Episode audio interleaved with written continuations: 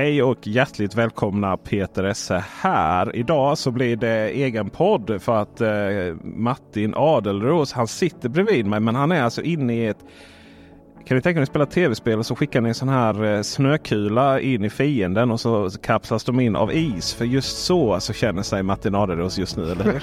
ja, så känns det. ja. Hej Peter. Riktigt kall och kylig. Ja, det är kallt ute. Ja, och du har varit och jobbat utomhus. Det har jag. Och det är ju 10 minus här Ja. just nu. Här i södern. Du var väl så långt ner i söder i landet man nästan kan komma va? Ja, nästan i Vellinge var jag. Det blåser rätt kallt också eller? Ja, alltså vi ska komma ihåg att 10 minus här är ju... Det kan ju vara motsvarande... 50 minus i Norrland. Absolut. Ja, dels så är vi inte kittade för det här vädret. Och Mm. dels så är blåsten för jävlig. Jag kan säga jag gick ut ur bilen. Efter cirka fyra minuter kände jag inte fingrarna längre. Det är ju inte okej alltså. det, Det är farligt. Alltså, det är farligt ja. Ja. Så två gånger satte jag mig i bilen och värmde händerna. Men vad är det du då behövde göra utomhus? Jag skulle byta ut eh, fyra spotlights i takutsprånget på en villa. Och du, du kan inte säga så till kunden att nej du får vänta till våren. Nej, alltså man vill ju inte det. Man vill ju göra färdigt jobbet. Okej. Men det var kallt. Det var inte så roligt. Finns det verkligen inga arbetshandskar som är tunna men varma? Nej, Inte- nej, ingen. Jag har provat alla. Okej. A- Antingen så är de varma nog, men då har du ingen känsel i fingerspetsarna. Nej. Eller så är de eh, tunna och bra, men de blir iskalla direkt. De suger liksom åt sig fukten. Mm, mm. Jag förstår, jag förstår. Vi ska Mm. faktiskt prata nästan hela det här avsnittet om just att vara elektriker, att bli elektriker och hur det är att, jobba eh, som elektriker också. Samt hur det är att få konkurrens från eh, stora drakar och sådär. Du som är enskild Mm. elektriker här. Eh, men först så ska vi ta en liten nyhet som kan påverka eventuellt dig och många andra. Jag vet inte riktigt eh, varför folk köper batterier. Eh, men jag, energilagring då i hemmet. Men jag har fått för mig att det handlar mycket om att sätta in just på grund av att erbjuda stödtjänster till Svenska kraftnät via exempelvis Checkwatt eller kanske bara dem. Det verkar vara de som många använder. Och Mm. från och med då den 19 december här strax innan jul så blev eh, det klart eller Skatteverket förtydligade hur de ser på den här miljöbonusen. Alltså det här skatteavdraget på batterier. Mm. Och används batterier helt eller delvis till stödtjänster så utgår det inget eh, skatteavdrag. Nej. Det blir inget miljöbonus på det. Det blir inget halva priset kompis på de batterierna. Utan du får betala fullpris. Tack för den julklappen, Skatteverket. Tack, tack, tack för den. Ja.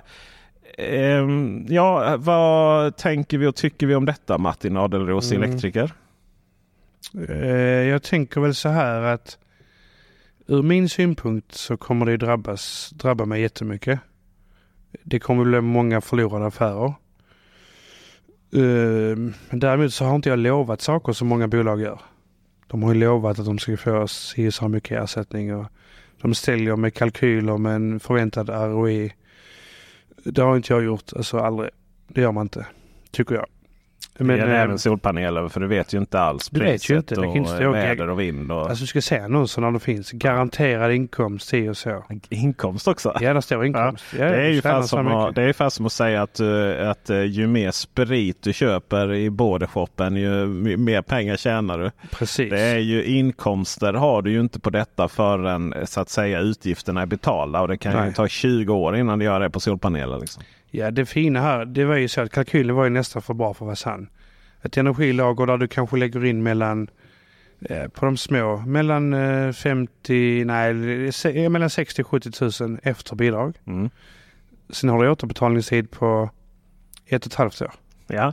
Det är ju nästan för bra för att vara sant. ja, sen var det inkomst. Sen blev det inkomst men- på riktigt. Å andra sidan, ur en annan synpunkt så förstår jag därför att om vi börjar från grunden så det här med Tänk och hela det här var vi är på väg mot elektrifieringen. Där är ju jättemycket subventioner på detta. Och inte minst till tillverkarna av batterier.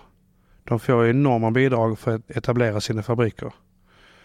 Så att i, i den änden så har de redan gjort en, en vinstaffär. Sen säljer de batterierna till ganska hög marginal. Och sen så köper vi dem och säljer dem med bidraget. För det är oftast det som gör att folk köper. Mm. Eh, och Så egentligen blir det ju en, en skattefråga. Hur mycket ska vi belasta samhället för att några få ska göra vinst? Det är ju dock så är det ju ett det är nog ett ganska billig subvention för att ha ett stabi stabilare elnät. I alla fall eh, ur ett lokalt perspektiv. Mm, men jag vet inte om det hjälper sådär jättemycket egentligen. För att eh, du bidrar ju inte till att du sänker ditt effektuttag.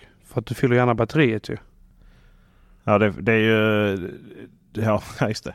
det jag tror ju, inte att du, det... det du, eh, om du erbjuder till stödtjänster så sänker du inte ditt effektuttag. Nej. Nej, just det. Medan samtidigt så någonstans så, eh, vad ska man säga, eh, på ett global eller på ett, på ett nationellt plan så stabiliserar du ju istället då. Mm. Å andra sidan, om du inte hade erbjudit det här batteriet till stödtjänster yeah. så hade kanske inte stödtjänster behövts. Förstår du vad jag menar? Yeah. Alltså, eh, stödtjänster behövs ju alltid för det är ju högt och lågt. Och, och yeah. Vinden kan vända och kärnkraftverk kan få, eh, kan få nödstopp eller två som i detta fallet. Så det är klart att där behövs en stabilitetstjänst. Men, men någonstans så är det ju de två sakerna försöker ju i slutändan lösa lite samma dilemma. Liksom. Yeah. Att vi ska kapa effekttoppar antingen, eh, antingen i, innan eller efter så att säga. Precis. Men jag tror att jag tror att egentligen om vi refererar till eh, eh, elbilsbidraget, mm. det gröna bidraget. När det kom var det ju wow. Och folk rusade till bilhandlarna och beställde elbilar. Sen drogs det in över natt om du kommer ihåg. Och det var helt chockerande och folk mm. blev förbannade. Och, eller över natt var det väl inte, men det var en dag på sig va? Ja, en dag. en dag. Ja. Och då tänkte alla att nu är det slutet för elbilen. Ingen kommer köpa elbilar. Men det har ju ändå lagt sig lite. Och försäljningen fortsätter ju. Mm, även om eh, Mobility Sweden nu tror att eh, istället för att som vi andra tror att vi kommer att ha eh, att elbilar står för över 50% av nybilsförsäljningen under nästa år. Eller mm. i år menar jag 2024. Vi är ju mm. inne där nu. Eh, så tror de att det kommer backa från nästan 40 till ner till 35. Uh, och så. Sen har ju mm. det kanske mycket att göra med eh, konjunkturen också.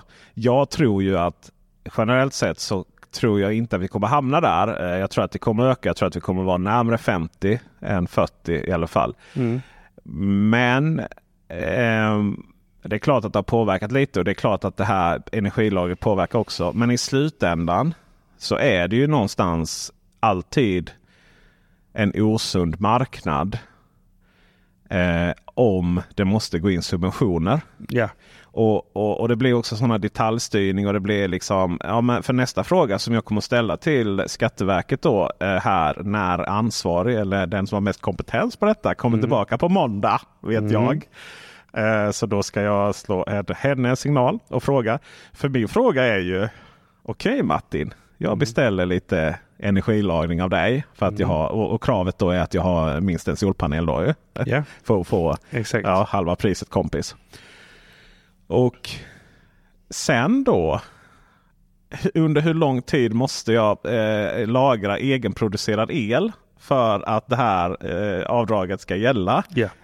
Så här, hur, hur, många månader måste jag göra det innan jag kan ställa om till stödtjänst?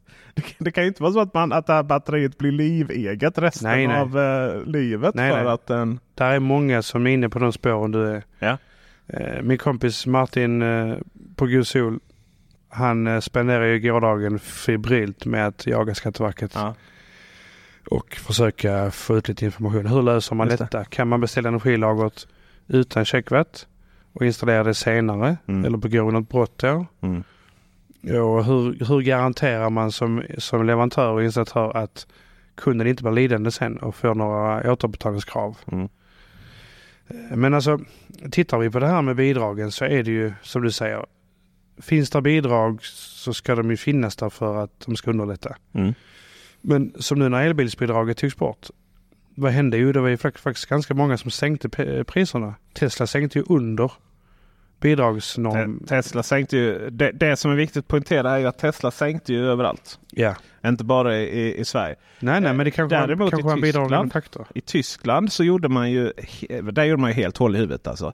Eh, för i Sverige så var det så här, men köp din bil nu och är den beställd mm. eh, innan, innan det här datumet mm. så kommer du få, få det. Det spelar ingen roll, alltså, det spelar ingen roll om bilen inte ens har levererats nu. Så här, Nej. ett år senare. Det finns ju långa leveranstider på bilar. I Tyskland, Mm. där var det kört. Jaha. Hade du inte bilen så fick du inte bidraget. Fy fan. Och där gick Tesla och många andra biltillverkare in och kompenserade för det. Men de tar ju förlust på den bilen då. För så, så höga marginaler har de inte. För, för, för svensk del så, så var det väl också lite så här att bidraget för elbilar hade ju delvis det var dags nu. För det hade ju börjat trappas ner redan. Det gick från 70 till 50 och det var det bilar som kostade över 700 000. Eh, gäller inte även om Volvo eh, och många andra ville ha det på 800 000. Eh, så där var det ju liksom. Eh, men någonstans började det trappa ner. Det hade gjort sitt. Sverige liksom ihop med Norge och Nederländerna är ju världens mest eh, elbilspenetrerad marknad och så. Mm. Eh, och någonstans kanske marknaden löser det själva. Sen har vi andra, när det kommer till exempel till laddboxar så, så kanske inte marknaden riktigt är redo där. För att där är det, så, det är så viktigt att vi har laddboxar hemma. Mm. För ur ett eh, så enskilt perspektiv huruvida jag laddar hemma eh, med 200, eh, 230 voltsuttaget eh, draget direkt ifrån centralen och så ligger det på en sten eh, sten eh, fasad och, och, och du har sett till så att allting är okej och så vidare. Och mitt enda problem då är ju att, jag liksom, att det laddar långsamt. Mm. Men ur ett nationellt perspektiv om vi skulle ta bort miljöbidragen eller eh, vad heter det, bonusen på laddboxar. ja, grönt Då, då hade vi haft massa jävla gamla. Då hade vi haft hur många som helst folk som hade laddat sin, eh, sin elbil hemma på sin träfasad på någon gammal ledning som inte har bytt Oh ut från 60-talet. Vi hade ju haft en epidemi av elsäkerhetsproblem då helt plötsligt. Ja. För att e, eh, osubventionerade laddboxar är Mm. ganska dyra. Mm. Ihop med arbetet och så vidare. Ja, det kan vara rätt långa dragningar som ni måste göra. Ja, elektriker. någonstans är det ju Ja. oftast är det ju mellan 15 och 20 000. Exakt, och det är ganska så mycket pengar. Det är mycket pengar. Så det... där tror jag inte man hade kunnat ta bort till exempel. Nej. När det kommer till rotavdrag och rutavdrag Mm. så är ju en annan sån sak ju att eh, i samma ögonblick som de bidragen skulle försvinna så skulle svartarbetet gå upp direkt. Men det- Men jag tycker att eh, det här med, med, med grönt bidrag, det är ju en pott för sig. Men när vi tänker på ROT och RUT, Ja. det är ju någonting som hjälper hela marknaden, hela exakt, samhället. Exakt, exakt. Eh, Alltså det, det, det skulle bli svart direkt. Särskilt rutavdrag också som ju, som ju är eh, väldigt eh, utsatt för den, den typen. Jo, men vi ska komma ihåg också att många som städar till exempel, de har väldigt dåliga arbetsvillkor. Ja. Och roten och ruten i detta fallet hjälper till att se till att de får bättre arbetsvillkor. Ja. Att eh, företagen har råd att avlöna dem. Just För det är det. det handlar om i grund och botten. Eh, så är det. Så är det. Så, Men som i detta fall, men om vi då tar till batteritillverkarna. Ja. De har enorma marginaler, det vet jag. Plus att de får subventioner för att etablera sina mm. parker. Parker och parker. Eh, fabriker. Ja, fabrik. Så att, att det sen blir eh, bidrag på bidrag på bidrag. Jag förstår. Jag förstår att det blivit som det blivit. Ja. Men jag är ändå lite, lite besviken. Du kan, du ju- kan förstå, alltså det är ju intressant. Det är ganska stort av dig Martin. Så här, för att, eh, eh, jag säger inte att du inte är perfekt i och för sig. Du, du är min elektriker. Men du kan, ju, du kan ju vara mycket fokuserad på eh, ansvaret man har för sig själv. Om Mm. vi ska använda det, ett sånt ord diplomatiskt. Eh, men det, det, är ändå- ja, det värmer mig ändå hjärtat att du kan se det här både från ett strukturellt perspektiv samtidigt mot det individuella perspektivet. Ja, det Eh, tror jag är viktigt. Man måste vara lite objektiv. Man måste vara lite objektiv, ja, precis. Och ser vi till samhällets bästa, alltså de här bidragen som betalas ut. Det är enorma pengar. Budgeten har ju alltså gått långt över vad det var planerat. Och i de flesta fallen så handlar det om 100 000 per installation. Om vi då tän- tänker oss att hur många installationer har det gjorts 2023 tror du? Hur mycket pengar har betalats ut? Absolut ingen aning. Eh, Alltså vi pratar miljarder. Ja. Det är så mycket pengar så det är inte rimligt. Var ska de pengarna komma ifrån? ja, det är ju skatten. Ja, så att jag förstår, det är inte hållbart. Man simulerar marknaden och sen eh, när det är igång så tar man tillbaka bidragen. Men det som är avgörande faktorerna är ju faktiskt checkvat. Mm. Det är det som har gjort det här. Och jag kan förstå det för att det är en jävla fin affär. Om, om, du, om du får vad historiken visar på checkvat så har du betalt av där ganska fort ändå. Sen är det ju bara åtta dagars uppsägningstid på checkvatten. Så du kan ju säga upp det när du vill och ha batterierna eh, till din egen styrning. Ja, eh, sådär. Eh, Och det är ju det vi ska ta reda på här nu. Det är nog inte bara jag som ska ringa här på måndag kanske. Nej, lycka Eh, till att komma säkert. fram i den växeln. Många som, eh, ja men eh, eh, pressen har väl förtid. Du får, du får sätta ihop, eh, du får be din eh, solkompis skicka eh, sina frågor till mig så kan jag ställa dem istället. Mm. Men vi ska bjuda in honom i podden. Det ska vi göra, men han är så upptagen. Så här. Men han kanske inte kommer vara så upptagen här från med så att säga snart då. Nästa vecka. Nej, don't it a war. Kan vi Du, kalla- det här är faktiskt eh, premiäravsnittet detta året för oss. Ja det är det ju. Ja, tänk du. Vi har hållit på över en års, ett årsskifte i alla fall. Vad roligt. Du Martin, det här Ja. avsnittet kommer handla om varför eh, man eller du vill bli elektriker överhuvudtaget. Mm. Och, och lite följdfrågor på det. Och, eh, när bestämde du dig för att du ville stå ute i, i snön i blåsten och koppla in LED-lampor?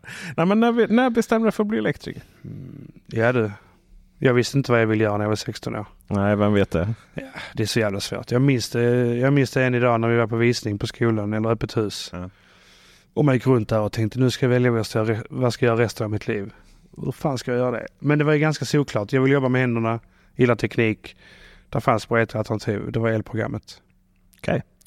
Men tre, fyra månader in. eh, Jag är inget läshuvud. Hade svårt för matte och grejer. Då kände jag bara att nej, det här är bara teori, teori, teori. Vi satt med böckerna. Ja, Mm. vad är verktygen? Jag vill skruva, jag vill liksom göra grejer. Och då fick man höra att ja, men det kommer sen i andra delen av årskurs två. Nej, tänkte jag. Nej, jag vill inte vara här. Så jag gick till rektorn och sa att jag vill, jag vill hoppa av skolan. Så sa de nej men det är ju inte så bra då. Får du inga, Det är inga inte pengar. så bra. liksom. Nej. Så sa jag men jag måste göra någonting. Jag vill inte vara här. Jag vet inte ens om jag vill gå den här linjen längre. Och då var det någon där som tyckte att ja, men om du ser om du kan få någon praktik och se vad det handlar om kanske. Så jag letade upp en lokal elfirma i Landskrona och knackade på och berättade läget och frågade om jag kunde vara här och jobba gratis i ett år nästan. Ja, ja, sa de. Självklart. Så att eh, måndagarna på började jag där och eh, fick direkt en eh, pärm med E-nummer, artikelnummer Mm. och eh, beskrivningar och skulle inventera bilarna. Men var det via, alltså hoppade av, eller blev, var det Nej. IV-programmet då? De var tvungna att sätta mig någonstans. Annars hade jag inte fått några pengar. Och jag hade inga betyg att läsa upp och så. Så att de satte mig på EU-programmet. Mm. Men jag behövde inte vara där. Eh, så att man kan, man kan, det blev som ett sabbatsår fast ändå inte. Och när jag hade jobbat på den elfirman i nästan ett år med sommarjobb och allting. eh, Då var jag avlönad såklart. Då fick jag prova på allt. Industrijobb, servicejobb, nybyggnation, allt. Och då kände jag att fan vad kul, det här vill jag göra. Och jag lärde mig att det var inte så mycket matte och sånt tungt som jag trodde. Utan det var ganska chill, man behöver inte kunna så mycket. Ett par formler, en miniräknare om du inte kan det i huvudet, det räcker det. Så jag hoppade på igen, i årskurs ett började om. Och så visste jag precis vad jag skulle göra och inte göra i skolan. Så jag var inte poppis bland lärarna. Nej, men du vet vissa kurser liksom, eh, ja men det här behöver inte jag kunna. Nej, Precis, jag klarade godkänt, jag brydde mig inte. ja, det räcker ju. Ja men vad fan, jag visste vad jag vill jobba med och jag Mm. behöver inte, jag ska inte läsa vidare, jag är ingen ingenjör. Skit i det. Eh, sen eh, var det på den vägen. Och uh, besvikelsen kom ju sen. De lovar ju en jobb Ja. för alltid, det gör de ju. Det är mycket jobb, Tile-programmet. Mm. Problemet är att när jag gick ut 2004 så var det ganska lågkonjunktur. Ja. Det var inga jobb, nästan. Så jag var ju lågt avlönad. Första lärlingslönen var på 7000 s- någonting innan skatt eller vad det var, så lite pengar. Mm. Så jag jobbade nästan ett år som lärling och sen drog jag till Norge. Jag letade reda på ett företag där själv. Ringde dem och jag stack dit och det var ju sinnessjuka pengar. ja, jag kan tänka mig. Ah, så jag stannade ju där i tre år. Hur är din norska? Är den bra? Nej, inte nu längre. Det tar tid att ställa om. Alltså man känner ju gott. Alltså man kan ju snacka det om, om man tar några bir.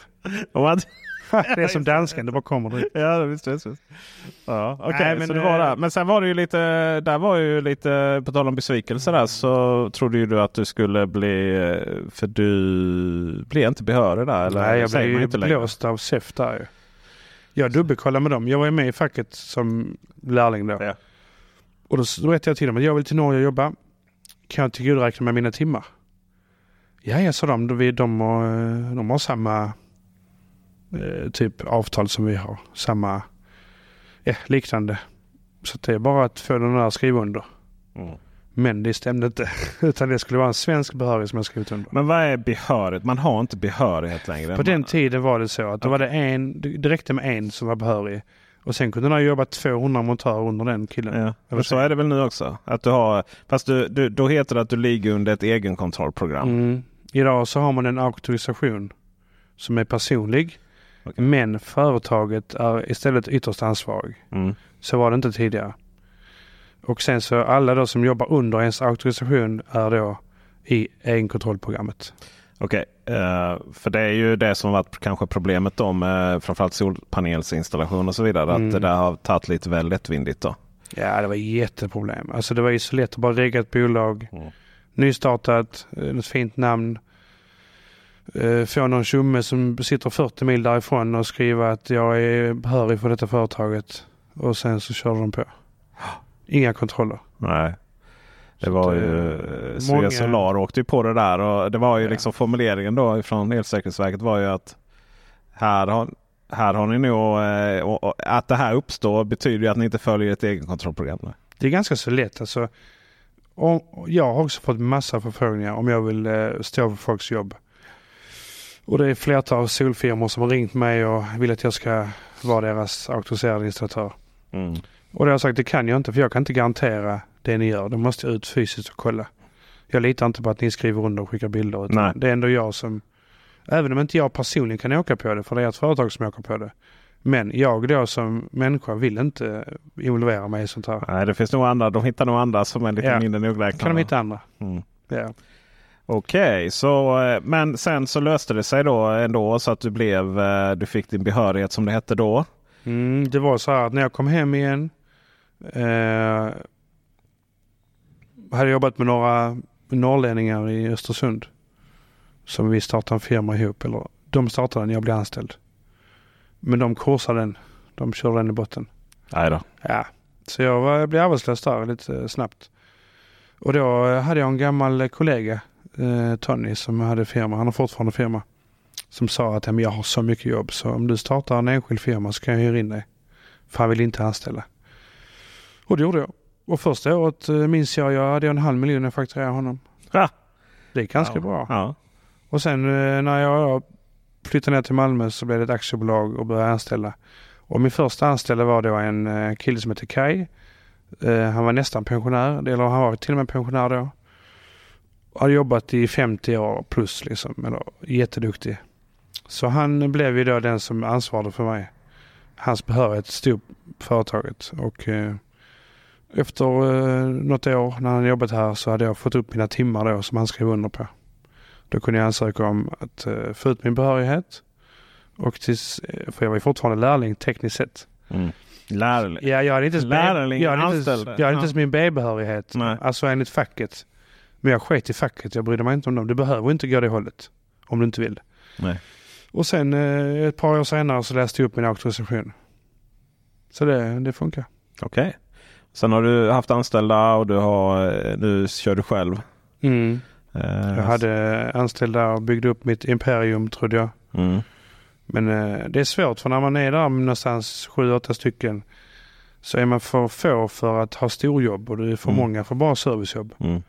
Och de här mittemellanjobben, alltså det, jag har lärt mig i efterhand att många som jag pratar med som har större företag säger att det är bara till att gasa, du kan inte stanna där. Nej. Du måste upp i typ 20-25 plus Mm. För att det ska bli en egen, eh, alltså det ska rulla på sig själv. Mm. Annars så fastnar man i, för mycket jobb ensam. Vilket jag gjorde. Ja. Sen har du ju det här, när du är så många måste du alltid ha folk som sitter, åker ut och kontrollerar. Inte så mycket, alltså att det har gjorts rätt till. Men det är, det är alltid vissa reklamationsjobb och sådana Mm. saker. Oh ja. Eh, Sådär. Men framförallt så är det mycket möten, mycket Ja. byggmöten. Mm. Räkna på jobb, alltså sitta med förfrågningsunderlag på liksom 70 plus pdf-er och alla, du ska kunna alla Alltså du vet det förändras ju hela tiden de här tekniska beskrivningarna som du ska jobba mot. Och det är ganska tungt att sitta med det och det gjorde jag några gånger.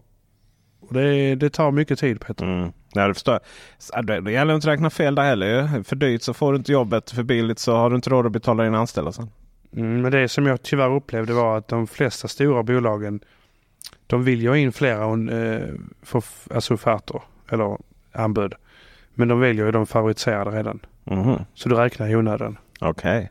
Ja.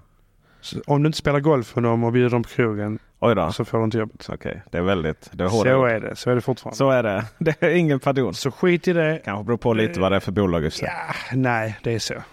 Alla, alla är mutbara, Ja, tyvärr. muta är har vi ju inte riktigt i, i, eh, i privat sektor på det sättet. Men eh, ja, nej, det handlar ju alltid om relationer naturligtvis. Vi kan kalla det relationer.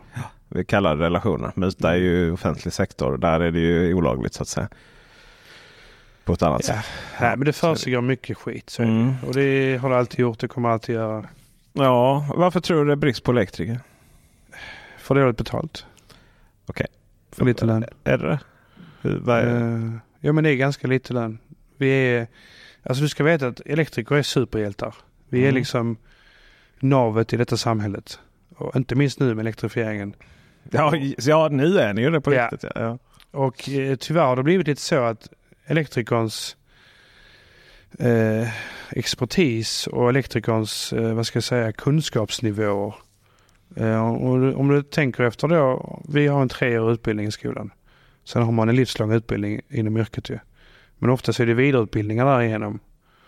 Eh, och eh, det betalas inte efter det, tyvärr. Det är alldeles för lågt lön. Mm. Men inte bara det. Sen är det ju det att det promotas inte. Alltså yrket. Tycker jag. Väl nog. Eh, Det är väl därför många söker sig inte dit. Nej. Eh, vad ska vi göra eller då? Rättare sagt. Nu efter jag var involverad i, lite grann i skolan med eh, Vipan i Lund. Så fick jag höra att de har jättemycket ansökningar. De har eh, och väldigt bra. De som ansöker, de 16-åringarna, har väldigt bra eh, betyg. Mm. Eh, Så det är inte det att det är brist på folk utan det är brist på företag som vill anställa. Mm. Det är väl där som det klämmer att lärlingar får inget jobb. Tyvärr. Nej, Nej det, är ju, det är ju praktikplatser så det är ju ett skriande problem. Och det är ju särskilt viktigt då i de här praktiska utbildningarna naturligtvis. Men eh, vi, eh, har vi någon lösning på det då? Hög, hö- högre löner, men det så är det ju alltid. Säger Ja, man alltid. har, två lösningar har jag. Ehm, det första är att ehm, de stora bolagen eh, som eh, oftast faktiskt inte har jättemycket marginaler men de har, de har jättemycket omsättning. Eh, de borde ju få lite subventioner för att anställa. Så- Subventioner alltså ja från, men eh, på, alltså ja, skattelättnader, Okej. arbetsgivaravgiftlättnader och liknande för att få ut folk i branschen. För det är ju så att det kostar ju jättemycket att ha praktikplats och lärlingar. Alltså att lära upp folk tar mycket tid. mm. Och vill du lära upp folk och bli duktiga så måste du lägga tid och engagera dig i dem. Men det betyder att du tappar mycket debiterbar tid. Så det är därför företagen inte vill göra det. Tyvärr. Eh, Så om man kan komma runt det från ett håll, Skatteverkets håll, eh, sänka arbetsgivaravgifterna kanske. I alla fall de första åren eller någonting. För det, är, det görs ju många sådana bidrag idag till nyanställda. Eh, Alltså antingen om du har långtidsarbetslös på grund av någon skada eller om du är nyanländ i Sverige, språkproblem och liknande. Då får du ju subventioner för att anställa. Mm. Så liknande borde det varit där med lärlingar så man kommer ut i branschen. Och sen del två är att få fler att starta företag. Tycker jag är viktigt. Eh, För den, den modellen funkar men du kan inte starta företag som lärling. Du måste ju ha några års eh, erfarenhet. Mm. Så är det. Så är det. Vi ska, vi ska avsluta med att konstatera att eh, som en liten spelare som Martin Adelros Mm. Ja. eh, har du retat dig allt mer på eh, stora drakar som kon- konkurrerar. Är det korrekt uppfattat att du eh, fick ett spel här och skickade en annons ifrån Ion annonserade? Ja, jag vill säga så Jag var här. inte så nöjd. Nej men jag kan säga så här. Alltså branschen är ju så. När det förändras, som nu när det är mycket byggstopp och liknande. Då har du ju stora bolag som sitter på mycket personal. De kan inte bara sitta hemma på lådan och få betalt. Då måste de ju ta andra jobb. Och naturligtvis så kommer de ner på våra jobb. Våra mindre. Och där kan de ju sänka sina priser tyvärr. För att hellre går de plus minus noll. Eller till och med lite back. Än att få, in, eh, få eh, inga pengar in alls. Det är helt okej. Det, är- det är normalt. Men det jag inte förstår mig på är när stora statliga och monopolära bolag börjar med tjänster som de inte har att göra med. Stora statliga monopolära bolag. Ja men om vi tar till Hur exempel definierar vi dem? nätägare till exempel. Ja. Det är en sån. Det här är ju också konstigt. Vi har ändå relationer med dem. Vi kan ju inte bara kasta skit på dem. Men jag kan inte förstå varför de ska börja installera laddboxar, installera solceller, installera batterier. Vad har de där att göra? Ja, det är ju det är en spännande fråga. Nästa fråga är ju vilket av eh, dessa E.ON-bolag som vi, vi utgår ifrån E.ON här nere. Mm. Men det finns ju Vattenfall och sådana också. Alla gör det. Alla, alla gör det. Eh, för det är ju alltid så att det är ju om, om vi tar de här som vi eh, som privatkunder då har, eller ja företag också. Men vi har ju avtal med här nere i Skåne och på många andra håll också. Det är i Stockholm och lite andra ställen. Då har vi ju E.ON som nätägare ju. Mm. Och varken vi vill eller inte så får vi betala dem det för det då. Och det. är ju en monopolliknande situation. Eh, Eller den är ju en monopolsituation så att säga. Det är en av de få vi har. Och sen så har vi ju då. Eh, sen kan vi ju välja att köpa vår el ifrån eh, ifrån. E.ON. Men vi kan köpa den från vilken som helst. Ja, Tibet till exempel. Mm. Och mellan dessa bolag efter avregleringen. eh, Då, när avregleringen kom då 90-talet så var det ju otroligt, otroligt eh, vattentäta skott mellan de här två bolagen. Mm. Så E.ON Nät och E.ON eh, Sälja El. Mm. Det är helt två olika bolag. De får inte ens prata med varandra. Mm. För, att, så att säga, för att E.ON måste, E.ON, E.ON eh, som säljer el till oss där hemma. Eh, de verkar, kan ju verka i allas nätbolag. Ja. Och eh, så att säga, de får inte ha några konkurrensfördelar mot något annat bolag som kanske sen i sin tur verkar i Eons, i Eons nät. Då. Exakt. Så då är det så här, vilket av de här bolagen är det som säljer ute och installerar laddboxar? Det är Eh, Energilösningar AB. Energilösning AB och det är alltså det här allmänna bolaget då som Ja. kan sälja el till i, i vilket nät som helst. De jobbar i, under E.ONs flagg kan Ja. man säga, men de är ett fristående bolag. Precis, och det är också de som är, och inst, eh, precis, installerar solpaneler så. Så alla de här bolagen, de, så de har, som, eh, de har som verksamhet att både då eh, sälja el till oss Mm. eh, och, eh, och installera eh, paneler eller solceller om vi vill. Eller, eller eh, laddboxar och energilagring och så vidare. Och då är ju frågan som, som du säger då är ju så här, men varför, varför är de i denna branschen? Är det liksom, har de någonting att vinna? Är de ens bra på den uppgiften? För de får ju ändå använda installatörer från tredjepart och, eh, Ja. och folk är inte så himla nöjda och sådär. Jag kan berätta om ett skräckexempel. Ja. Alltså om vi utgår från grunden, E.ON, E.ON har ju som skyldighet, det är deras uppgift att se till att vi har ström hemma. Det är ju det, är det som deras syfte är. De äger ju näten. Eh, sen har de ju underhållsarbete på näten. Där de använder bland annat One Nordic och eh, nu även Vattenfall. Om jag minns rätt. Nej, jo, kanske de gör. Och även Kraftringen som UE, underentreprenör. Eh, sen då, nu precis först var det ju solpaneler de började installera. Men då var det ganska mycket i egen regi. Men nu sist, eh, när, det är mycket laddboxar de eh, levererar. Och E.ON jobbar ju så att de har ju eh, serviceavtal, eller ramavtal heter det, med eh, många småföretag som är. Jag har också ramavtal med E.ON, men jag är inte den billigaste. Så där kommer inte mycket jobb därifrån. Eh, och då säljer de ju, de har ett aktivt sälj, säljorgan där de säljer på privatpersoner. Alltså de gör ju till och med dörr till dörr försäljning, går hem och ringer på. Jag, Eh, först- jag förstår inte var pengarna ligger i det. Nej, och de lägger jättemycket tid på detta. De har liksom säljare, de har projektledare, de har en hel organisation. Eh, Och sen köper de in tjänsten att själva installera produkten. De hade ju ganska dåliga laddboxar. Ja, mitt skräckexempel, min granne då. Ja. Han valde en laddbox från E.ON. Och det är ju en Kina-produkt som är no name. Det är den, eh, det är lite roligt för jag, för två år sedan tror jag var på eh, IFA-mässan i, i Berlin, eh, Mm. konsumentteknik. Och då är, var det ju exakt den laddboxen. Den såg man ju på flera stä- ställen då fast med olika logotyper bara. Så Ja. det är verkligen liksom köpa in den, branda den och sätta sin egen logotyp på den. Exakt. Och det är en billig box. Alltså det är en riktigt billig box. Vi pratar kanske 2000 kronor box. Wow. Skit är det. Ja, Eh, och den, de fryser sönder. Och de tar in vatten. klart de gör. Så grannen fick ju sin utbytt eh, två gånger. Eh, och tredje gången så fick han en Zaptec Go. Mm. Då var jag hemma när eh, instruktören installatören var där från E.ON. Eller det var inte E.ON, det var en underentreprenör. Och det var något av det sämsta jag sett. Alltså jag har inte anmält in det men det kanske jag borde gjort. Det var liksom Gjorde ingen kontroll för drifttagning. Han hade inte ens en EV-testare. Han testade inte av laddboxen. Testade inte jordfelsbrytaren, ingenting. Och så bara tänkte jag, är det det här E.ON vill? Är det detta de vill? För att de får så mycket skit av folk för att de levererar kassa grejer.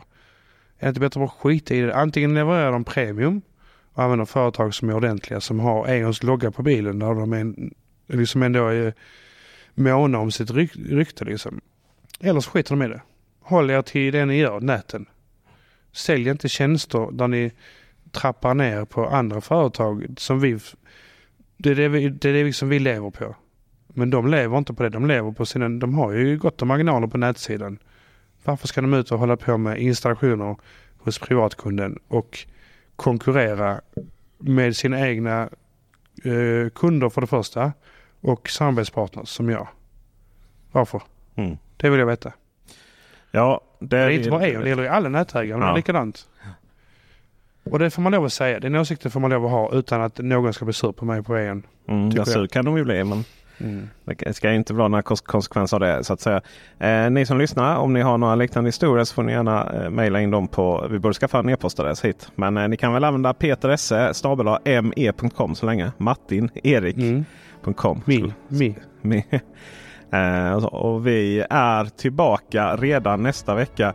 Eh, ni hittar Martin Adelius på Elektrotjänst på Instagram och mig hittar ni på alla kanaler som finns om Yes. ni söker på Peter SM. Vi hörs och vi syns nästa Tack för att fredag. du lyssnade. Tack, Hej hej.